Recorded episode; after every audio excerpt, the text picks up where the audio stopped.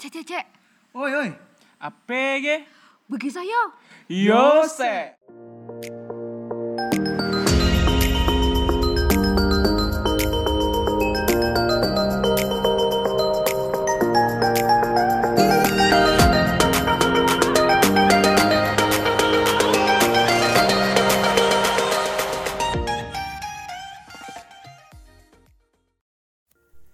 Selamat pagi Seperadi, kembali lagi bersama podcast Bekisah Yo edisi episode 6 6 kan ya? Iya. Eh, episode 6 jadi saya Uki.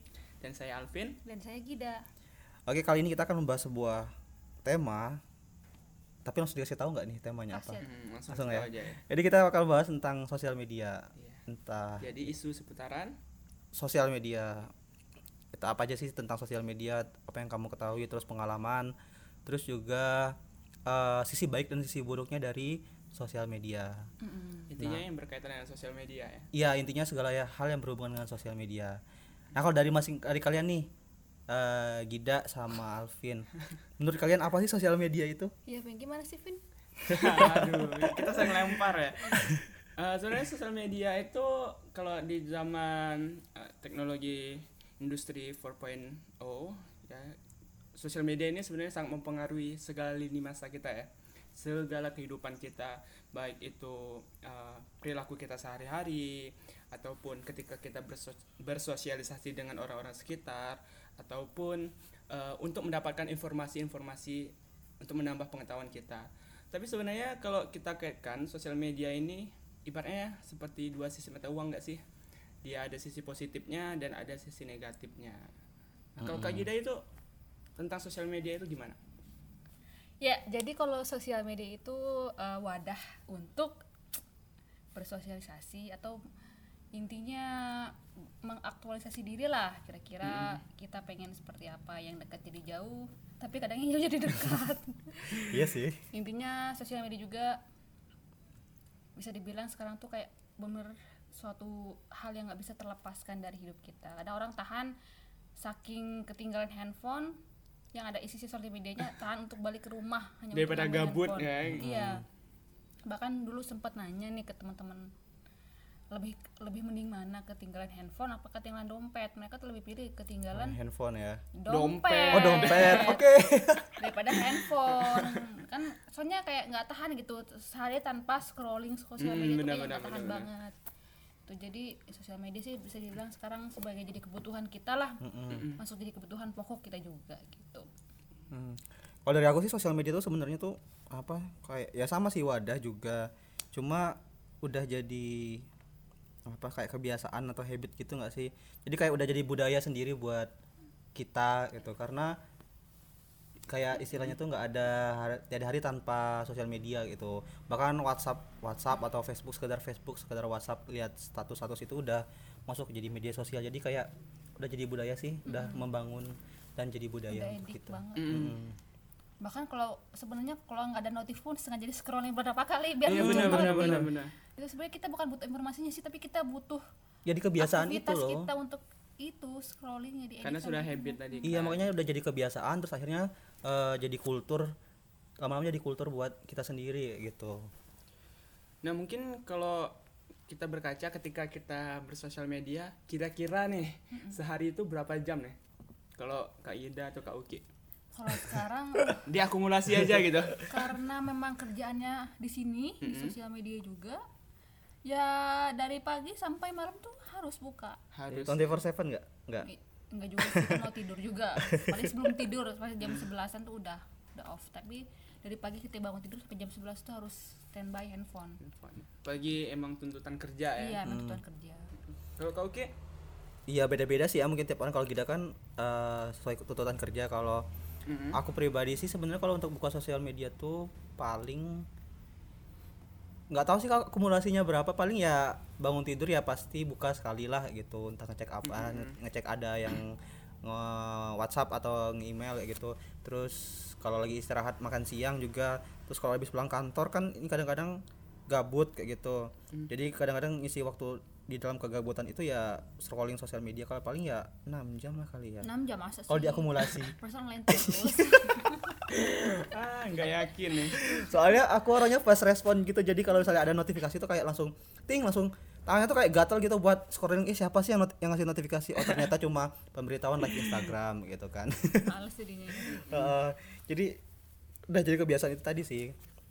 Oke. kalau kamu Vin eh, untuk penggunaan sosial media kamu kan masih muda banget maksudnya lagi kos banyak waktu kosong nih kayak gitu. Pasti setiap hari buka sosial media ya?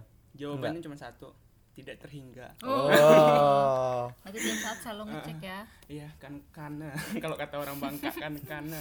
Tapi emang bener sih karena sudah habit apalagi kalau pengalaman pribadi ya. Aku kan paling susah susah tidur nih. Kalau paling susah tidur dulu kebiasaannya kalau eh, nggak kecanduan dengan sosial media palingan ya baca-baca buku segala macam sebelum tidur. Tapi sekarang ditambah. Saya kan suka baca Selfie ya? webtoon Baca, nih iya. baca webtoon. Nggak bi- tapi kirim selfie. Ah enggak, enggak mungkin kan mati lampu selfie tapi kadang-kadang sih. Jadi kan suka baca webtoon nih Heeh. jadi karena webtoon itu di HP oke jadi sebelum tidur baca baca. Kalau udah habis web- webtoonnya aduh apalagi nih mau dibaca? Terpaksa deh buka sosial media. Kadang itu sampai jam 3 sampai subuh jadi ibaratnya emang bener-bener nggak terhingga waktunya gitu. Ya. apa pun ada waktu pasti dibuka ya. Mm-mm, benar apalagi kalau ada wifi kan gratis ya. Tapi untuk pengalaman eh Gida kamu ada pengalaman gak sih tentang sosial media gitu? Kayak adalah pengalaman yang yang berharga ya atas yang kayak yang baik yang yang buruk? yang ya apa aja sih kalau baik juga boleh baik buruk juga nggak apa-apa kalau baik sih kan sebenarnya the power of social media itu untuk influence orang ya Mm. jadi eh, kalau pengalaman ya lumayan banyak juga kalau misalnya kita pengen nge-challenge seorang untuk melakukan suatu hal ya kita sebenarnya sosial media ternyata orang-orang ikutan juga kayak gitu atau ketika kita pengen ngasih opini yang menurut kita tuh orang wajib tahu tentang ini Mhm. eh, atau kita pengen nge-share ilmu juga terus orang merasa bersyukur atau ngerasa ilmunya bermanfaat juga itu suk- eh, bikin seneng dan eh, terus kalau yang pengalaman buruk sih paling yang namanya sosial media kan kita itu open ya terbuka publik. Ada orang yang memang suka- suka ada orang yang nggak suka. Contohnya misalnya kita ketika ngasih opini pernah sih waktu itu kita saya bikin opini belak belakan tentang pilpres kemarin. Oh iya inget banget. Tuh. Terus nggak Bener, dibahas nggak sama orang. Eh, jadi itu memang rada sensitif sih isunya. Sampai akhirnya ada beberapa yang pro ada yang beberapa yang kontra juga. Nah, itu kan udah konsekuensi sih jadi Hmm, ya benar. anggap aja slow kayak gitu kan. Seenggaknya kita menunjukkan partisipasi aktif kita sebagai warga negara Indonesia itu aja sih. Iya sih. Paling ah, apa? Paling Lanjut, lanjut, ya. oh iya gitu ya ya kalau aku sih pribadi pengalaman nggak ada yang begitu berarti sih sebenarnya Pak. pakai sosial media ya buat share share hal-hal yang hal-hal yang aku alamin aja gitu jadi nggak ada berarti cuma belakangan itu kan sering bikin foto dengan tipo, tipografi kan gitu Iya, emang sering sih sekarang lagi edik ya kayak. Foto Jadi, sesuatu. Ya. ah, jadi sempat ngasih quote ah sempat jadi ada apa namanya lagi ngalamin sesuatu hal gitu terus bikin disalurin melalui foto dengan ada bikin quote sendiri. Dan tiba-tiba ada yang kayak bilang aduh makasih ya kak. Aku eh, tulisan ini tuh jadi kayak apa namanya mood buster aku banget kayak gitu. Jadi kayak tuh wah tersentuh gitu. Jadi ternyata bahkan kata-kata yang kita upload itu yang secara nggak yang kita pikir mungkin nggak pengaruh apa apa ternyata bisa berpengaruh baik terhadap orang gitu. Ya tergantung orang juga sih nerimanya kayak gimana. Cuma ternyata bisa se kayak gitu terhadap orang gitu loh. Jadi kayak pengalaman sendiri aja sih pengalaman yang wah gitu. Ternyata selama pakai sosial media ternyata selama pakai sosial media bisa memberikan manfaat untuk orang lain gitu.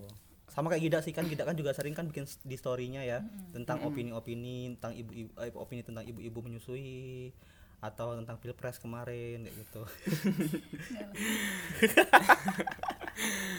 sempat dibahas nggak tuh?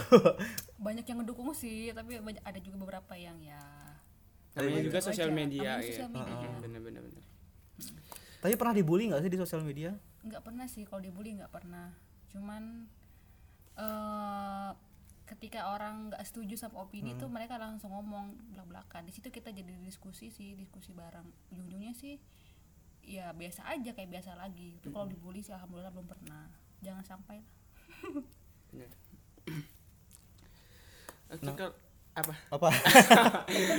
Eh, kalau aku sendiri sih masalah sosial media sebenarnya aduh ini kelam banget sih sebenarnya. Nggak nggak kelam kelam juga. Tapi waktu SMA karena aku paling edik sama Instagram nih. Paling edik sama Instagram. Jadi ibaratnya dulu di Instagram itu sehari pasti ada ngepost gitu. Pasti ada nge- memposting unggahan segala macam jadi ibaratnya apa itu? Jadi ibaratnya eh, aku itu udah masuk ke dunianya cyber gitu dunia yang sosial media. Kalau kita belajarnya di sosiologi itu ada yang namanya cyber community atau masyarakat cyber. Nah eh, aku dulu karena kecanduan terhadap sosial media jadi aku terobsesi untuk eksis di sosial media seperti itu. Jadi ibaratnya kalau nggak posting itu ya ada yang kurang ada gitu yang ya. kurang. Dan kemudian ketika ada orang yang berkomentar membahas kol- di kolom komentar saya itu ibaratnya suatu yang wah aku direspon orang nih. Gitu. aku bisa menampilkan eksistensi aku di sosial media. Tapi Oke. s- setelah ibaratnya setelah aku masuk di sosiologi ya jadi aku mengerti bahwa ah, itu sesuatu yang hal yang negatif seperti itu. Jadi agak mengurangi. Dan sekarang lebih negatifnya tuh kayak gimana sih? Sebenarnya kalau negatifnya itu kita yang kecanduan di sosial media eh, akan terus berinteraksi di dunia mayanya. Kita akan berkurang berkomunikasi di dunia, Dunia nyata, nyata. dan kurang bersosialisasi dengan orang sekitar. Karena jujur eh, aku dulu tipikal orang yang jarang bersosialisasi di sekitar gitu. Jadi lebih asik di sosial media. Makanya kan dulu orang orang hanya tahu dengan aku itu di sosial media siapa sih itu Alvin ini bla bla bla bla segala macam. Bukannya so eksis juga sih ya tapi emang bener Eksis. gitu.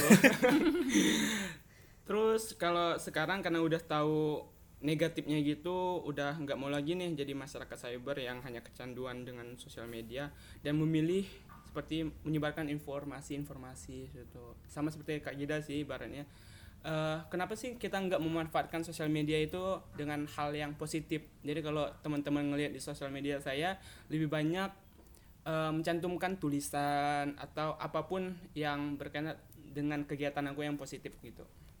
Lebih gitu sih sebenarnya. Berarti intinya lebih ke sharing hal-hal positif ya gitu ya? Kalau sekarang sih emang untuk sharing segala macam gitu. Iya sih. Jarang banget soalnya kalau ngelihat orang tuh update status tuh yang negatif-negatif misalnya kayak aku lagi sakit, aku lagi sakit apa gitu yang negatif-negatif. Banyakannya positif gitu ya. Hmm, udah mulai teredukasi sekarang sih Heeh, tapi sadar nggak sih kalau hal-hal positif yang kita, yang kita sharing itu kayaknya bakal jadi hal-hal negatif buat orang. itu tergantung Ada orangnya sih, iya. tergantung kan kita orangnya. banyak Ah. perspektif juga sih ya. Jadi kayak misalnya eh, kita lagi senang nih dapat Hadiah. naik jabatan gitu ya atau dapat hadiah gitu tiba-tiba eh, kayak orang lain tuh kayak ngerasa waduh eh, dia naik jabatan nih aku masih di sini-sini aja gitu. Berarti jadi kayak kecemasan sosial ya? Eh, eh, jadi kayak sadar nggak sih kalau kadang-kadang apa yang kita update itu positif tapi jadi orang tuh negatif gitu ya? Nah itu sebenarnya gini, eh, orang-orang kan mendisplay di sosial media tuh kan apa aja yang mereka ingin dilihat, termasuk salah satu misalnya mereka pencapaian prestasi ataupun kadang-kadang ada yang pamer harta, ada yang pamer eh, bukan pamer ya, mereka pengen berbagi berbagi bahasa halusnya. berbagi prestasi entah itu lagi kegiatan ngapain makan. Itu kan berarti eh, apa yang dibagikan tuh hal-hal yang terbaik yang ada dalam diri mereka. Cuman kadang kan orang-orang tuh kan ngeliatin bahwa ternyata eh, orang-orang yang di sosial media tuh hidupnya kayak gitu melulu padahal kita kan enggak. Kita kan pernah mengalami kegagalan juga dan jarang banget orang yang posting ke kegagalannya di sosial media. Makanya orang tuh nganggap kayaknya hidup- hidupnya sempurna banget. Padahal kan enggak. Nah makanya kuncinya sih jangan jadikan kebahagiaan orang lain yang kita lihat di sosial media itu jadi value atau standar kebahagiaan untuk diri kita sendiri. Karena setiap orang itu punya value masing-masing ya, untuk memiliki kebahagiaan. Tapi sebenarnya eh, ketika kita berbagi di sosial me- media itu menurut aku sih itu bentuk branding diri nggak sih Mm-mm. jadi Iya sih. uh, kalau kita nggak bisa di dunia nyata ini aku mikir pendeknya juga sih ya sebenarnya ketika kita nggak bisa untuk meningkatkan kualitas kita di dun- di, di dunia nyata atau kita supaya orang orang lain itu tahu dengan kita sosial media menjadi salah satu cara untuk kita nge-branding diri Mm. Hmm. lebih tepatnya kita eksis di sosial media dengan seperti apa. prestasi prestasi yang kita capai atau pengetahuan apa yang kita miliki sehingga orang lain itu bisa mengetahui kita karena eh, bentuk eksisten yang paling kita mudah dapat itu sebenarnya dari sosial media sekarang ini Iya sih. Kadang-kadang orang nggak tahu ya kalau misalnya nih eh, si Gidat ini ternyata pintar nulis atau si Alvin ternyata pintar nulis di dunia nyata. Tapi kita sering aktif lewat tulisan-tulisan kita gitu kan. Sering aktif lewat opini-opini kita dan itu jadi tempat branding branding yang memang paling mudah sih. Iya sih, paling mudah gitu. balik kita langsung ke contoh, nyata aja kali ya Mm-mm, kita contoh. langsung buka profilnya Alvin nih kita lihat dia ingin di branding seperti apa Jadi Ayo. Alvin ini. oke psikolog ini Coba lihat profilnya, profilnya. profilnya nih halo eh, hola I'm sociolog we live in a post truth era itu kan dia tuh udah nge-branding diri kalau ternyata Ah, dia tuh seorang sosiolog Sosiologi. Mm-mm. dan dari postingan feednya tuh mencerminkan kalau dia orang yang aktif ikut eh, seminar berprestasi ya kan nah Selfie. Enggak. Terus dia juga sering bikin-bikin tulisan berarti dia ingin dicitrakan sebagai branding K tuh berarti sebagai orang-orang yang aktif berkarya kan ya mel- melalui karyanya sekarang kalau kita lihat yang Uki ya Aduh, jangan. itu paling sering nggak aktif itu. Malika Mulki nih nah kalau mungkin apa sih Ki ini nggak jelas itu so. Feeds-nya nggak jelas isinya. nah kalau mungkin oh ini sekarang nih dia lagi suka apa tadi Ki bilang ini ya typography ya Iya. Eh, dia lagi senang moto-moto nih dengan dikasih caption-caption juga terus dia juga membrandingkan dirinya sebagai orang yang aktif berorganisasi dan ikut-ikut juga beberapa kompetisi nah inilah branding orang terus kalian kalau pengen tahu gimana Gaida, Gaida kalau Gaida sih kalau aku ya kalau aku sepertinya sekarang menjadi ibu yang punya anak ya anak. iya Sekarang isinya foto anak sama suami. semuanya iya. karena memang sekarang memang lagi disebutkan dengan dunia anak Mm. gitu. jadi memang sih sosial media itu real time banget Iya. apa yang sedang kita kerjakan Activity, yang, iya. yang lagi hits bagi kita kita posting gitu mungkin teman-teman juga bisa tuh lihat sekarang eh, menganalisis kira-kira kita ingin di branding seperti apa sih kita kalian bisa lihat profil IG kalian tuh kebanyakan posting apa dari situ kalian bisa bisa lihat oh berarti passion aku di sini passion aku di sini Mm-mm. Tapi kalau branding gitu kan kayak apa namanya? Bisa juga jadi alternatif buat kayak beberapa orang menggunakannya buat eh, bikin akun palsu gitu. Kayak misalnya ngefake kepribadian dia gitu kan. Kayak misalnya aku nih seorang yang pemalu di dunia nyata. Di tiba-tiba karena dengan eh, kecanggihan filter dan apa namanya ap- aplikasi-aplikasi editing foto, aku jadi kayak seorang yang aktif banget di dunia Instagram gitu. Kayak misalnya aku foto selfie cantik, aku pakai baju yang fashion fashionable banget gitu.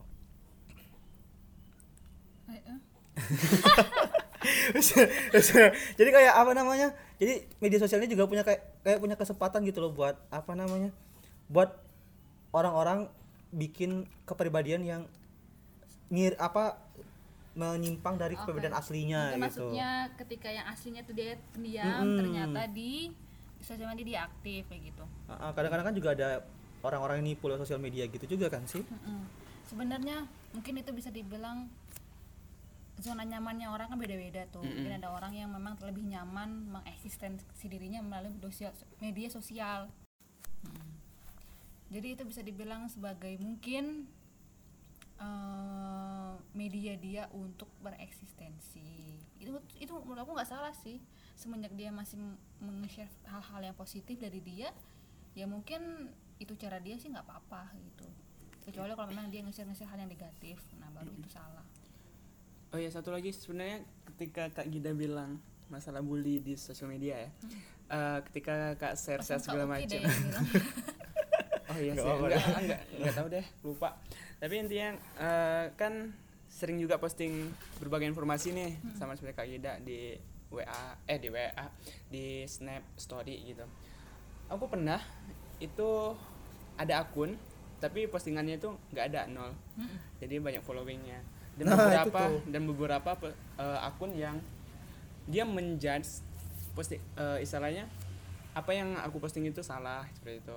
Tapi dengan cara yang kurang baik gitu. Ibaratnya kalau kita eh, memberikan kritik ada masukan seperti itu. Aku lebih eh, legowo atau berterima kasih pada mereka yang memberi kritikan tetapi memberi masukan juga gimana. Tapi mereka lebih lebih Menjudge menjudge sih. Mm-mm. makanya itu ketika aku posting apa pun yang berkaitan dengan eh, kehidupan kita atau dengan beberapa case yang ada yang lagi branding eh yang lagi branding yang lagi trending seperti itu pasti ada komen-komen atau orang-orang yang replay story aku yang negatif seperti itu. Iya kayaknya sosial media tuh ngasih kayak suntikan adrenalin gitu nggak sih? Kayak misalnya kamu jadi lebih berani buat komentar kamu jadi lebih berani buat eh, ngomen apa yang orang bagikan gitu. Karena kamu nggak ketemu langsung sama mereka gitu. Kamu nggak tatap muka langsung. Jadi kayak eh ya udah aku tinggalin komen aja toh aku juga nggak bakal ketemu mereka kan. Kalau aku nggak apa namanya walaupun aku salah ya aku tinggal bilang kalau sekarang tuh lagi heboh apa mohon maaf sekedar mengingatkan dengan Iya. emot emot senyum yang yang apa dengan matanya masih titik-titik itu terus senyum kelihatan gigi sama ada gambar tangannya kayak lagi doa itu. Jadi gitu sih. Itu mungkin sisi negatifnya kali ya ketika orang bebas. Orang merasa kalau di media sosial itu bebas. Iya. Karena karena kadang-kadang ada orang yang di luar di luar kehidupan aslinya dia sopan tapi ketika di Mm. media sosial dia frontal ya itu dan ada juga sebaliknya. nah, yang sebaliknya juga. Ya itu lebih lagi sih kepada diri kita gimana Hmm. perilakunya. Jadi kalau apa? Lanjut aja kak. Lanjut lanjut, Kalah. lanjut. oke. Mungkin bagaimana menggunakan sosial media dengan bijak kali ya? Versi Alvin gimana? Oh menggunakan media sosial dengan bijak. Kalau aku sih ibaratnya ya memfilter ya lebih memfilter apa yang kita dapatkan di sosial media karena kita tahu polarisasi untuk penyebaran hoax dan segala macam itu paling lebih banyak gampang ya dan paling gampang itu di sosial media baik itu platform-platform yang seperti Facebook, Instagram ataupun platform lainnya. Eh, oleh karena itu aku lebih memfilter informasi-informasi yang ada.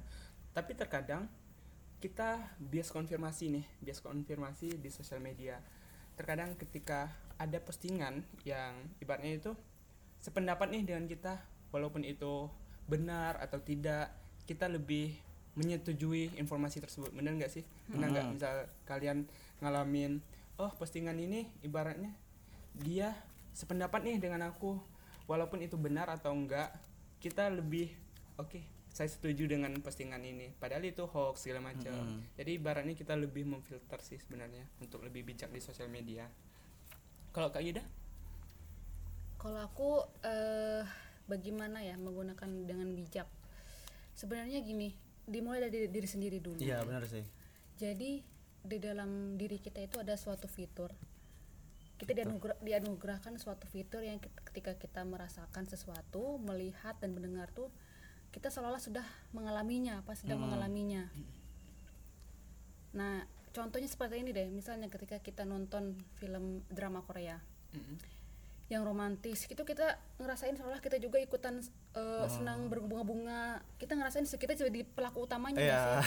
atau ketika kita nonton film kekerasan ketika si aktor utama dipukuli kita ngerasa sakit ngerasa sedih Mm-mm. makanya ketika kita terlalu banyak ada yang bilang ketika kita terlalu banyak nonton film Korea nanti terlalu baper Mm. terlalu sensitif ataupun ketika kita terlalu banyak nonton video kekerasan kita bakal ngerasa kebal dengan Ah, hatinya kekerasan keras itu gitu nah ya.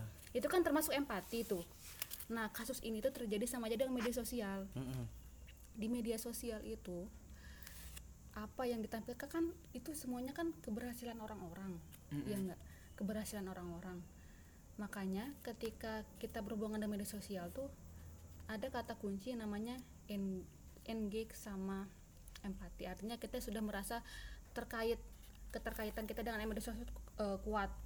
Makanya ketika ada orang eh, makanya ada yang unsur namanya media sosial tuh enak adiktif karena kepo tuh enak. Karena kita Mm-mm. ngerasa kepoing tuh dapat kalau dengan kepo itu ngerasa kita dapat energi yang positif. Misalnya kita kita kepo hal-hal yang positif kita ngerasa kita juga ikutan positif. Ketika kita kepo lambe turah atau misalnya lambe nyinyir ya.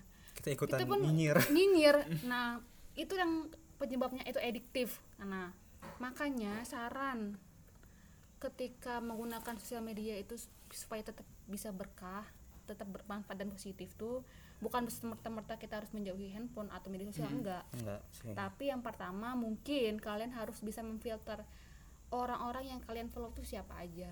Ya benar. Eh, misalnya apakah dia bermanfaat untuk kamu ataukah justru dia untuk eh, malahkah dia memberikan efek negatif gitu. Kita filter tuh. Misalnya dengan kalau seandainya akun-akun tersebut bisa membawa kamu ke arah yang lebih positif atau justru semangat belajar misalnya follow model Aniunda kan model Aniunda gila kan udah S.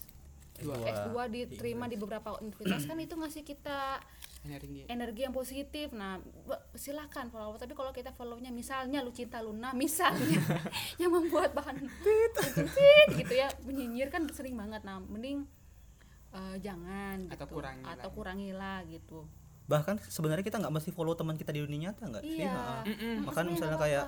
Misalnya aku sama Gila temenan nih kita kita nggak harus sering follow Nggak kan di. Instagram gitu. Itu makanya terus jangan sukan-sukan untuk sebenarnya gini kadang-kadang kita kan ada perasaan gak enak ya ketika kita follow orang eh ternyata orang nih apaan kontennya? Mm-mm. ya kalau kamu nggak usah unfollow sih ya ya hak kamu ya. hak kamu ibaratnya sih. nggak sesuai ekspektasi Iya. dia tapi kalau seandainya pengen menjaga hubungan baik ya paling di hide aja po postingannya. Iya sih. di hide nah itu kan salah satu cara supaya kamu bisa tetap berkah menggunakan media sosial. Dan terus positif. Dan yang terus yang kedua yang tadi jangan jadikan sta- eh, apa yang kamu lihat di media sosial itu sebagai standar kebahagiaan. Iya sih. Karena nggak semua orang ngeposting kegagalannya di sosial media. Orang tuh hanya orang tuh sudah memfilter aku pengen ngepost ini di sosial media karena aku yakin ini tuh bakal dapat pujian di orang. Nah iya kan? Banyak kan orang kayak gitu. Mm-mm. makanya jangan jadikan eh, standar kehidupan orang itu jadi versi hidup bahagia versi kita sendiri gitu sih. Dan percaya sama kemampuan diri kamu sendiri itu. Iya sih kalau kita lihat kalau kita rangkum ya dari kalimat Gida tadi itu. Berarti intinya sosial media itu adalah setiap orang yang aktif di sosial media itu adalah ingin mempromosikan dirinya sendiri kan gitu kan. Jadi kita nggak mesti ke efek sama apa, yang mereka promosikan Iya gitu. karena mereka juga ini maksudnya mereka juga mau ada kegagalan di setiap itu. Dan mereka tuh nggak posting kegagalannya. Iya. makanya orang mikir kayaknya hidupnya enak banget. Padahal di belakang itu kan banyak. Enggak gitu kan. Ah, jadi jadi eh, sebenarnya sih lebih kepada pengendalian diri ya. Kalau aku sih eh, kembali ke pengendalian pengendalian diri karena aku orangnya tuh kayak gatel gitu ya. Kalau lihat notifikasi itu rasanya pengen buka gitu. Meskipun ada chat gitu. Bahkan chat grup sendiri kan aku pengen buka. Nah itu caranya tuh dengan cara kalau aku sih pribadi itu mengendalikan diri. Pertama kamu bisa hide notifikasi. Kan itu di handphone kan ada kayak hide notifikasi gitu kan. Jadi sekarang aku tuh Instagramnya nggak nggak ada notifikasi lagi. Jadi kalau misalnya kalau kamu baru main Instagram kan biasanya ada notifikasi live Instagram terus notifikasi orang yang menyukai foto kamu terus notifikasi orang yang mengomentari. Bahkan sekarang ada notifikasi orang yang mention kamu di story gitu kan. Sadar nggak sih kalau ada fitur baru itu di notifikasi? Jadi ada orang yang mention kamu di story itu ada notifikasinya sekarang gitu. Nggak cuma kayak via DM tapi apa namanya notifikasinya secara langsung. Nah itu tuh bener-bener kayak mengganggu sih menurutku gitu. Makanya aku mematikan notifikasi beberapa fitur seperti Instagram, Twitter, terus juga kalau WhatsApp sih nggak karena WhatsApp kan biasanya isinya pesan-pesan penting gitu. Nah yang kedua tuh eh, kamu harus tahu sistem kerja. Misalnya kita ambil contoh ya Instagram, tuh sosial sosial media Instagram. Nah Instagram itu kayak punya apa sih kalau aku nggak ngerti IT cuma dia itu di sistemnya tuh punya kayak penyaringan gitu, based based on what you like and what you oh iya. see gitu. Jadi kalau misalnya kamu harus mengendalikan diri terhadap apa yang kamu lihat dan apa yang kamu sukai. Jadi kamu kadang-kadang kamu mikir lihat konten tentang binatang gitu ya. Mm-mm. Kamu asal like, eh lucu like, lucu like, lucu like. Nah itu akan berpengaruh ke sistem Instagram kamu sebenarnya gitu. Jadi apa namanya? Jadi yang nantinya bakal muncul di recent updates kamu adalah Mm-mm. postingan tentang kamu like gitu. yang kamu like dan kamu sering lihat itu gitu. Nah kalau kamu nih kayak kita ambil di case contohnya Gida tadi yang tentang kamu suka ngelihat konten-konten gosip atau konten-konten yang membawa pengaruh negatif ya di recent updates kamu ya juga bakal apa namanya muncul itu munculnya ya gak postingan-postingan itu. Jadi kayak kalau bisa mengendalikan diri adalah kita bener-bener ya jadi diri sendiri sih di, di, di dunia Instagram Instagram kita ambil contoh ya. Jadi kalau kita emang nggak suka ya jangan jangan asal tekan tombol like gitu. Karena itu bener-bener berpengaruh terhadap sistem di Instagram sih gitu. Kalau menurut aku jadi bener-bener harus mengendalikan diri ketika bermain sosial media dan juga supaya apa? Supaya nggak baper gitu loh. Kadang-kadang kan kena kenapa jadi aku pernah baca kenapa orang-orang mil- sekarang itu banyak terkena quarter life crisis karena orang-orang banyak kayak membandingkan diri Iya. dirinya sendiri dengan Dengan apa yang dengan apa yang ditampilkan ditampilkan di media sosial gitu loh. Jadi kayak ngerasa hidupnya kurang puas eh, terus juga pencapaiannya nggak nggak sebesar orang lain gitu. Nah kenapa orang dulu jarang kena ke LC karena kayaknya orang zaman dulu nggak punya sosial media nggak sih? Penggunaan internet paling cuma buat minim ya. Ah buat buat cari informasi terus kayak penggunaan internet itu cuma buat kayak kirim email segala macam gitu. Jadi nggak nggak seintens sekarang yang bisa digunakan untuk apa pun memb- membagikan foto kegiatan dan lain-lain gitu. Jadi ya balik lagi ke pengendalian diri sih sebenarnya kalau kita eh, kalau kalian pengen saran tentang penggunaan sosial media dan baik yang baik dan benar gitu. Itu aja sih. Jadi emang eh, apalagi bagi kita yang milenial ya jadi milenial Mm-mm. problem kita itu sebenarnya yang paling besar itu sering bandingin diri dengan apa yang ditampilkan oleh orang lain di sosial media. Kita selalu merasa kurang. Apa yang kita miliki itu selalu merasa kurang ketika kita lihat postingan orang postingan orang lain seperti itu.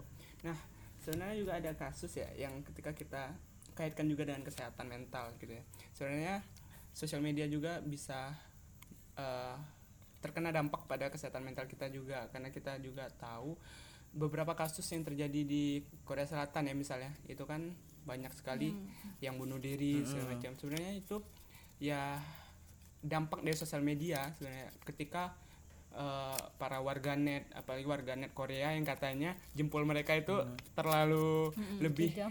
kejam dibanding mulut mereka seperti itu. Jadi sebenarnya bisa mempengaruhi juga dengan kesehatan mental kita. Makanya kita harus bisa eh, memfilter ataupun kita harus bisa menangkal eh, postingan-postingan orang lain yang berdampak buruk bagi kita. Sebenarnya itu sangat penting banget bagi kita, apalagi kita sebagai eh, milenial yang haus akan informasi seperti itu. Jadi ya gitulah. pasti eh, cuman kalau untuk menangkal berbagai komentar buruk di Instagram kali ya Mm, mungkin sih, eh, tipsnya sih ya satu kalau ternyata kamu tersinggung atau terpuruk saat ada orang yang berkomentar buruk tentang kamu berarti memang ada yang salah dari kamu Mm-mm, bisa jadi. cuman salahnya di apa salahnya adalah ketika kamu lebih mempercayai komentar tersebut Mm-mm. dibandingkan kemampuan diri kamu sendiri jadi kamu harus percaya sama kemampuan kamu dan juga harus eh, kayak jangan mentah-mentah menerima dengan langsung apa komentar tersebut tapi difilter dulu kita renungkan dulu. Kalaupun ternyata memang komentar itu kan bisa kita eh lihat ya ada yang menjatuhkan ada yang memang untuk kritik membangun. Sebenarnya dari situ kan kita bisa tahu ini orang emang bermaksud untuk mengkritik kita atau untuk menjatuhkan kita. Nah kalau kita udah tahu tujuannya sih kan gampang. Oh, berarti ini nggak usah dipikirin yang ini karena memang itu pengen ngejatuhin kita doang. Nah untuk yang membangun tuh mungkin kita bisa lebih menerima ataupun kita introspeksi diri juga. Tapi tetap jangan lupa untuk mengapresiasi diri kita sendiri. Karena kita karena orang lain pun belum pernah merasakan bagaimana di sepatu kita gitu kan. Intinya sih itu aja. Apa intinya? Itu Ya, apresiasi diri juga itu. Filterisasi diri sama uh, in apa namanya? Introspeksi. introspeksi sama sama apa tadi? Hmm? apa? Apresiasi diri ya. Apresiasi diri ya Gitu ada sih. kebanyakan orang-orang yang stres kan yang menerima dengan mentah-mentah. Mm-mm. apa apa komentarnya? Tanpa memfilter dan mengingatkan atau dengan apresiasi diri kalau kita tuh ternyata tidak seburuk itu. Ada sisi baik dan sisi buruk ada sisi baik juga dalam diri kita gitu.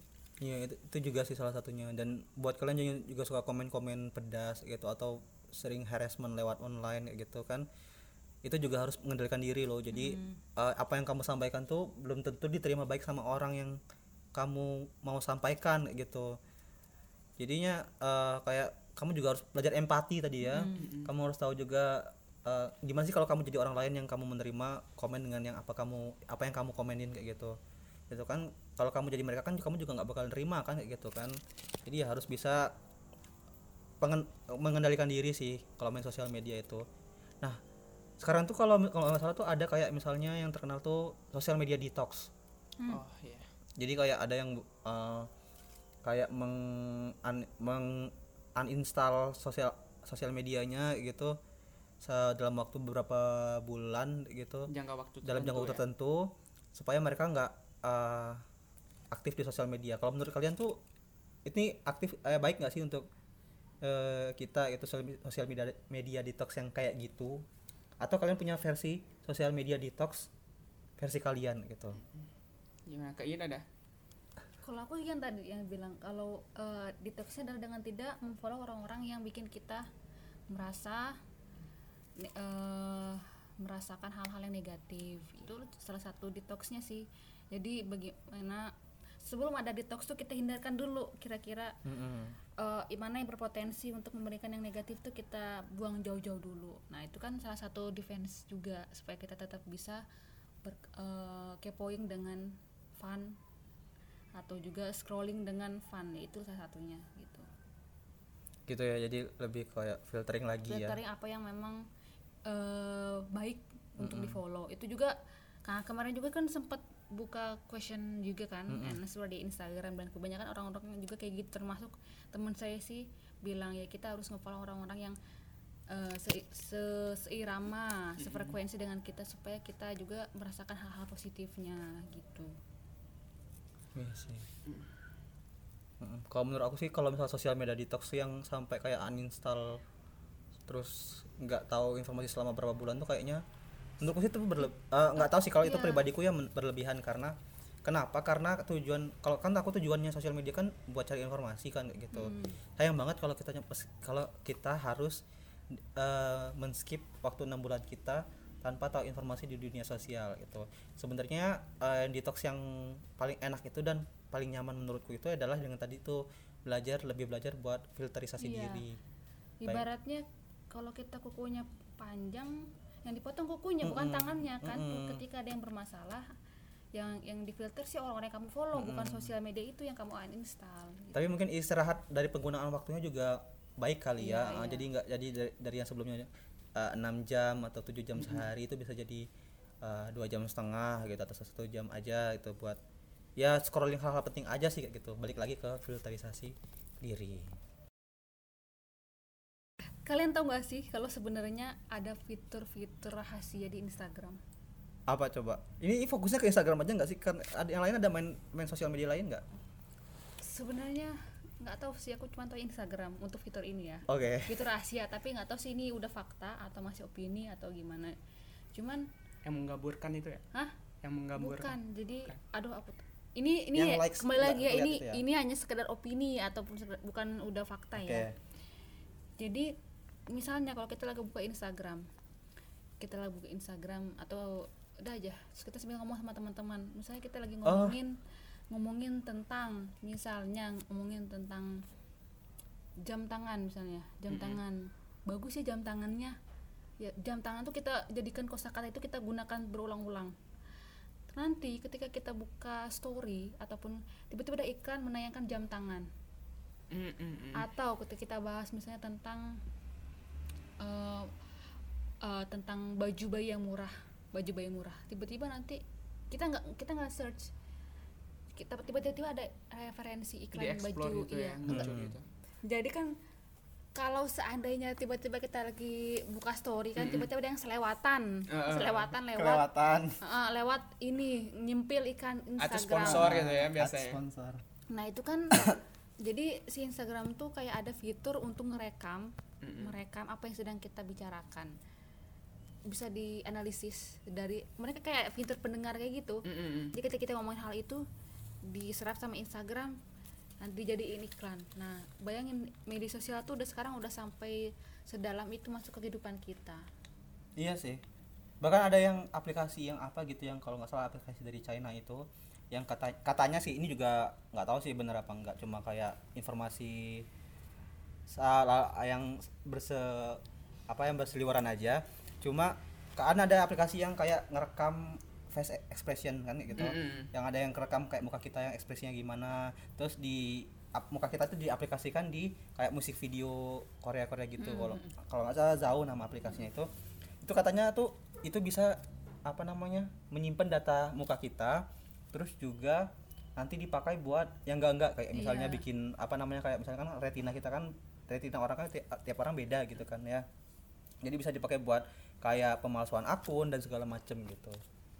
Itu sih. Jadi bener-bener ya selain kita berselancar dengan menyenangkan di sosial media kita juga harus hati-hati sih sebenarnya gitu.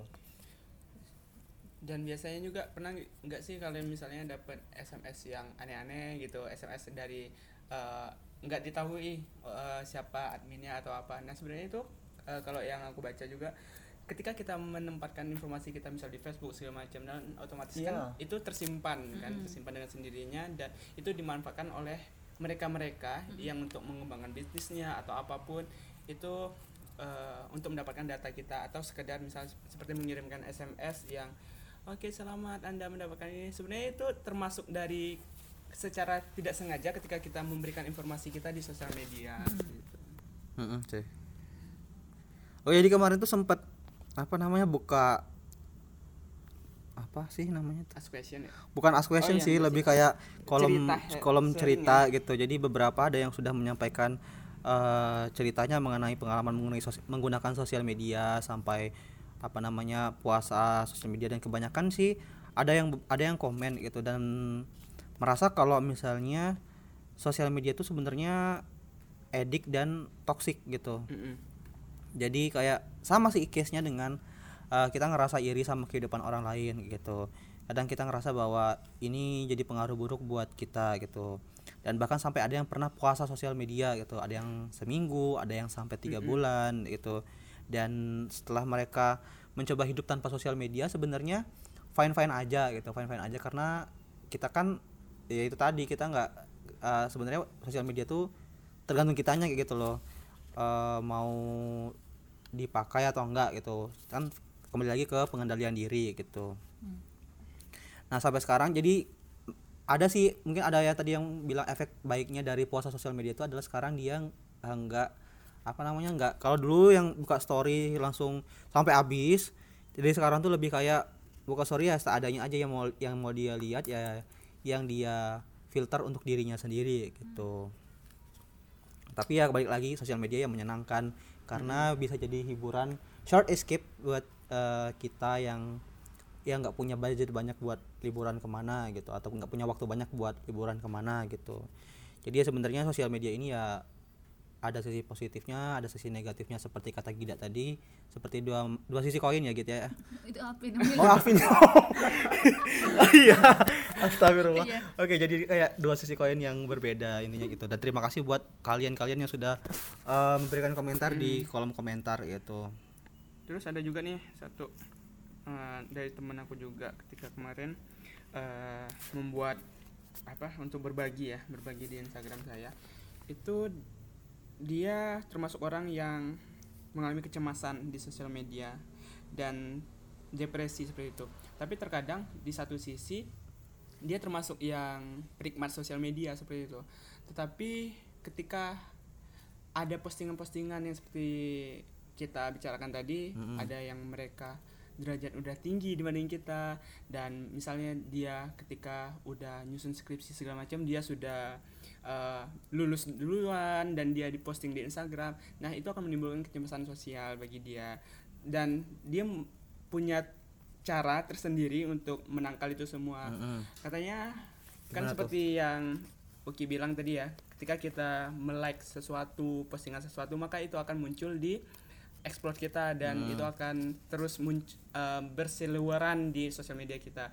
Jadi dia eh, punya cara tersendiri untuk menangkal postingan-postingan yang negatif bagi dia seperti itu. Eh, dengan cara dia eh, menyukai postingan meme yang menurut dia itu bisa mempengaruhi mood dia. Oke. Uh, jadi dengan cara dia melike postingan meme dan segala macamnya itu maka depresi yang muncul ketika ada postingan-postingan yang membuat dia itu merasa terpuruk di sosial media akan berkurang seperti itu dengan memposting eh, dengan menyukai posting-postingan yang lucu seperti itu dan ada juga nih salah satu temen aku dia puasa sosial media itu sampai tiga bulan Oke, sama berarti case-nya sama. Ah, ah.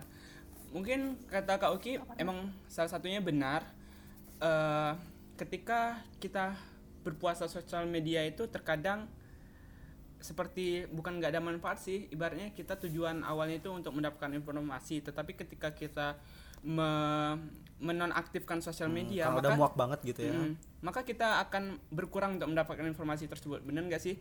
Nah jadi temen aku ini dia puasa sosial media itu sampai tiga bulan. Wih, dan itu benar-benar tiga bulan jadi dia nggak ada aktivitas sama sekali di sosial media. Dan dia eh, merasa bahwa dia merasa tenang karena nggak ada informasi-informasi yang membuat dia itu depresi ataupun cemas di sosial media dan katanya juga dia tidak terpengaruhi dengan adanya online shop segala macam Karena jujur, eh, ada dia tipe yang ini ya. uh, konsumtif banget kan. Ah. Jadi ketika kita orang-orang yang konsumtif, maka bagi si teman aku ini dengan cara menonaktifkan sosial media, maka tingkat konsumtif dia itu berkurang sedikit seperti itu. Oke, jadi ada emang ada baiknya ya puasa sosial media dan Mm-mm. pengen enggak nyobain gitu. sekali-sekali sih tiga bulan tanpa medsos Aduh, aku sesu uh, aku nonaktif Instagram itu cuma dua hari. lama install lagi ya. Abis itu ya download lagi. Hmm, sih. Tiap orang kan eh, kebutuhannya beda-beda ya gitu ya. Mm-mm. Ada yang butuh yang udah muak banget tuh sampai tiga bulan apa namanya puasa sosial media. Kadang-kadang tapi kalau aku sih menurutku eh kalau puasa sosial media tuh udah kalau udah tingkat muaknya tuh udah tingkat yang muak muak muak muak banget gitu. Jadi kalau aku sih sampai sekarang masih bisa eh main sosial media.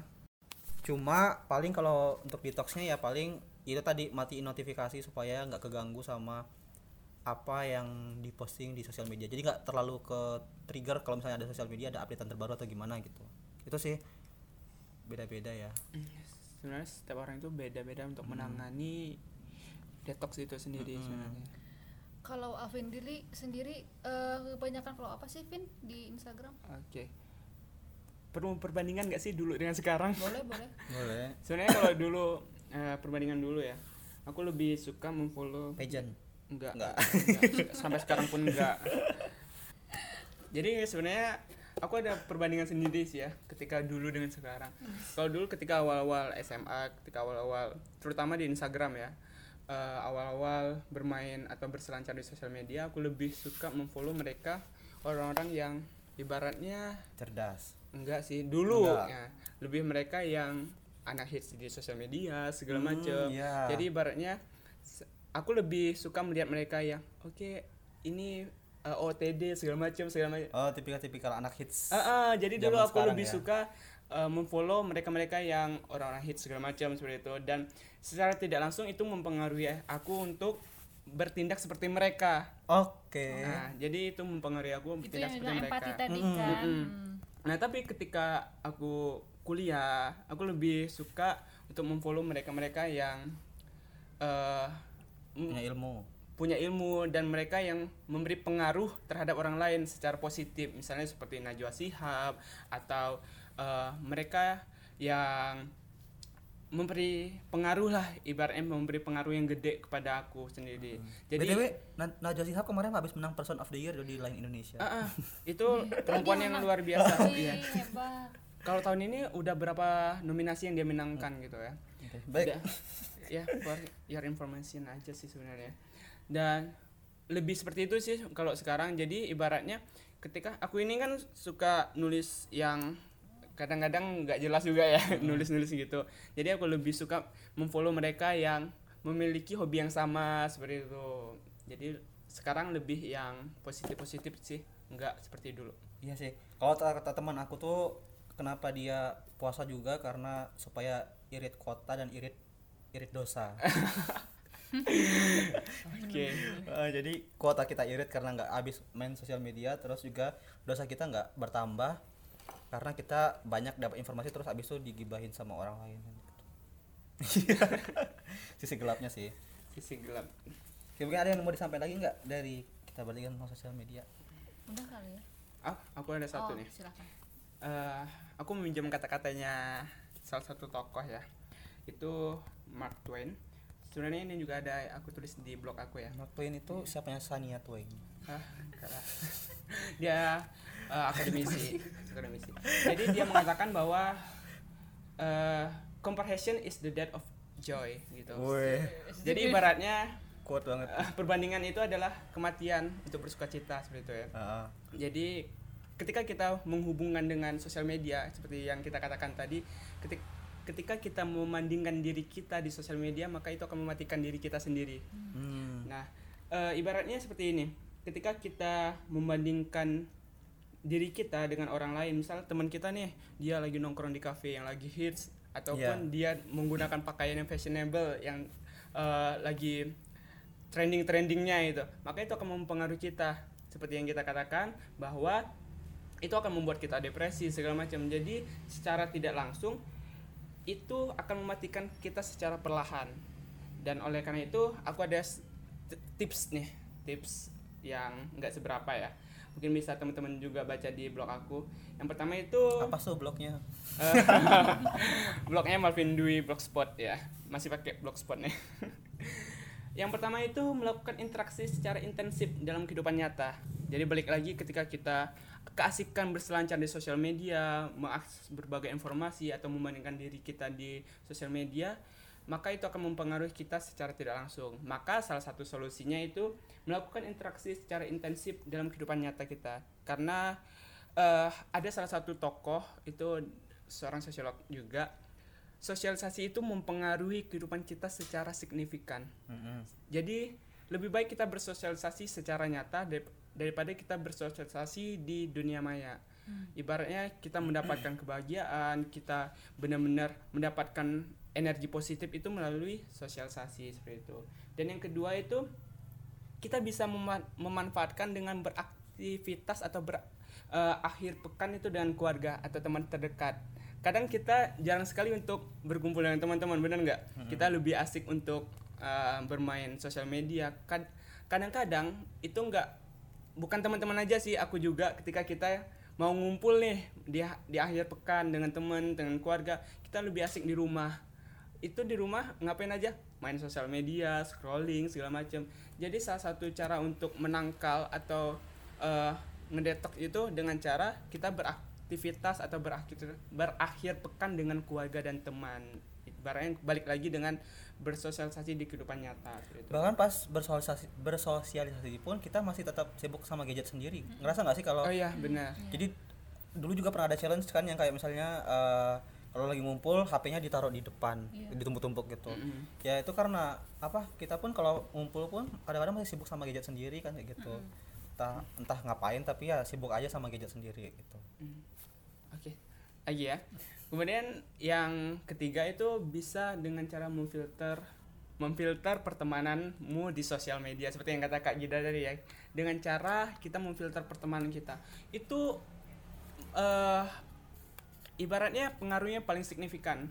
Karena ketika kita memfilter pertemanan, kalau eh, pertemanan kita itu ibaratnya toksik nih bagi kita di sosial media, maka kita berhak untuk memfilternya. Eh, setidaknya kita jadi eh, kita bisa dengan hide hide pertemanan atau hide Story postingan gitu ya. dia atau story dia itu dengan cara merupakan cara yang paling kecil untuk dilakukan. Kemudian yang keempat itu kita bisa dengan batasi di- diri dengan konsumsi berita buruk. Karena benar kita di era industri 4.0 terkadang polarisasi berita itu nggak jelas, nggak jelas sama sekali apakah itu hoax, apakah itu berita yang real dan segala macam. Jadi kita bisa membatasi itu untuk mendapatkan berita-berita yang baik di sosial media. Kemudian yang terakhir, kita harus membuktikan diri bahwa kita bisa hidup tanpa sosial media. Maksudnya bukan benar-benar tanpa sosial media, kita bisa membatasi diri dengan sosial media gitu. Kita harus membuktikan bahwa kita di sos- di dunia nyata itu bisa lebih aktif dibanding dengan Dunia di maya. dunia maya seperti itu. Terus ya itu sih kalau kalau tarik kesimpulan sebenarnya lebih ke pengendalian diri ya ah iya Hmm. kalau bisa dirangkum lebih pengendalian diri sih oke mungkin closing statement dari Gida Kalau dari aku sih, yang pertama intinya kalian harus bijak-bijak menggunakan media Ya. sosial. Terus jangan lupa untuk filter pertemanan ataupun orang yang kalian follow. Dan yang terakhir adalah tetap posting hal-hal yang positif dan juga bermanfaat bagi orang lain. Dah itu aja. ya itu aja oke kalau dari aku sih closing statementnya adalah eh, ini mungkin agak agak lebay sih tapi nggak lebay juga sih. Jadi kayak kamu harus tahu fungsi eh, kamu main sosial media buat ngapain sih? Atau buat cari hiburan atau buat cari informasi atau apa gitu. Nah kalau kamu memang udah tahu kamu main sosial media buat apa kamu bisa filter tuh berdasarkan apa yang emang kamu pengen lakukan di sosial media. Dan juga jangan lupa mengendalikan diri gitu karena ya sekali lagi sosial media itu cuma alat yang operatornya adalah kita gitu. Jadi ya kalau kita sebagai operator tidak mengendalikan alat kita dengan baik maka hal tersebut akan jadi uh, bumerang. buat kita sendiri. Iya bapak sosiologi Kayaknya mm, kalau aku sendiri sih baratnya eh sebenarnya lebih ngerangkum ke kalian sih. Ya udah apa hampir sama dengan dengan Kak Uki sama Kak Gida perlu adanya pengendalian diri dan juga perlu adanya memfilter pertemanan kita di sosial media. Dan yang terpenting itu jangan suka membandingin diri deh di sosial media Mm-mm. karena apa yang dikatakan eh, oleh Mark Twain tadi membandingkan diri adalah langkah kita menuju ke Matian. matian jadi jangan suka membandingkan diri oke Oke. Oke, mungkin Spradi sekian dulu podcast kita episode kali ini. Eh, terima kasih sudah mendengarkan. Saya Uki. Saya Gida. dan saya Alvin Kami pamit undur diri. Sampai jumpa di episode selanjutnya. dadah. Dadah.